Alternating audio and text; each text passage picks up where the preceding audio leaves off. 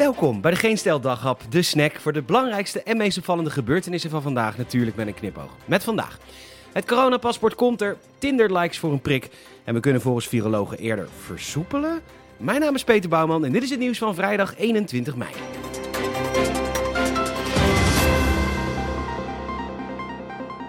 Hij gaat er dan toch komen, het digitaal groen certificaat. Wat een vaccinatiepaspoort is, maar het woord groen bevat omdat het zo lekker bekt.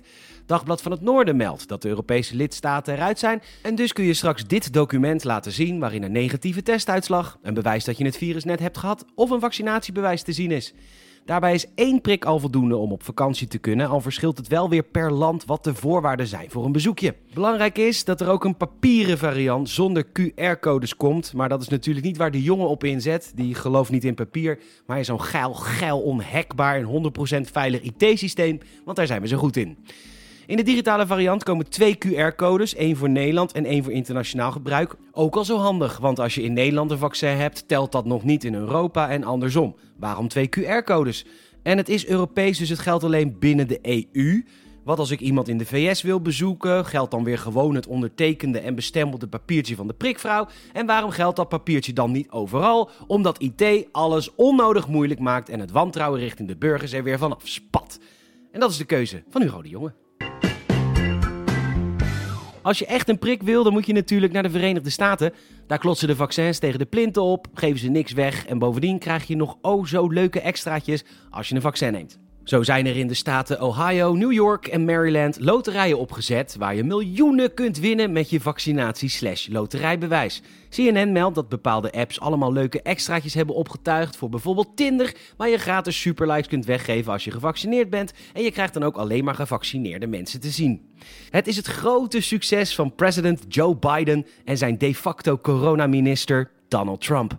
Ondertussen zal de Europese Unie voor het einde van dit jaar nog eens 100 miljoen doses naar arme landen sturen, dat meldt HLN. En de EU heeft met de fabrikanten van Pfizer, Moderna en Janssen afgesproken dat ze nog eens 1,3 miljard doses leveren aan arme landen tegen de kostprijs. Goed nieuws dus voor landen als Oeganda, die van de 45 miljoen inwoners inmiddels 200.000 inwoners heeft gevaccineerd. En dat is een van de betere presterende landen. Positief hè?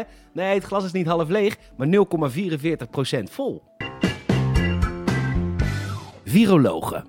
Bij de minste of geringste stijging zitten ze bij alle talkshows te verkondigen dat ziekenhuisbezettingen met honderden procenten zullen stijgen. En nu zeggen er een aantal dat we eerder kunnen versoepelen. Ja, nee, fijn, begrijp me niet verkeerd, maar ik moest het een paar keer lezen bij de Telegraaf voordat ik het geloofde. Ernst Kuipers zei dit eerder deze week al en nu valt viroloog Louis Kroes hem bij. Sterker, die zegt dat het nu al zou kunnen. En nu zegt het kabinet, die de vorige ronde nog een risico nam, dat ze zeker niet eerder gaan versoepelen. Ja, misschien de middelbare scholen, maar verder echt niet.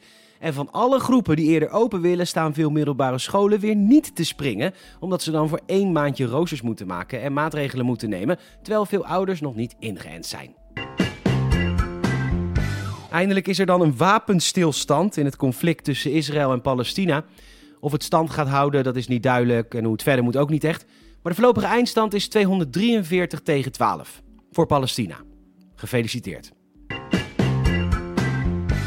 Sigrid Kaag van D66 was duidelijk. Zij wil regeren met VVD, CDA, PvdA en GroenLinks. Niks kaarten tegen de borst en dat was toch wel een verrassing.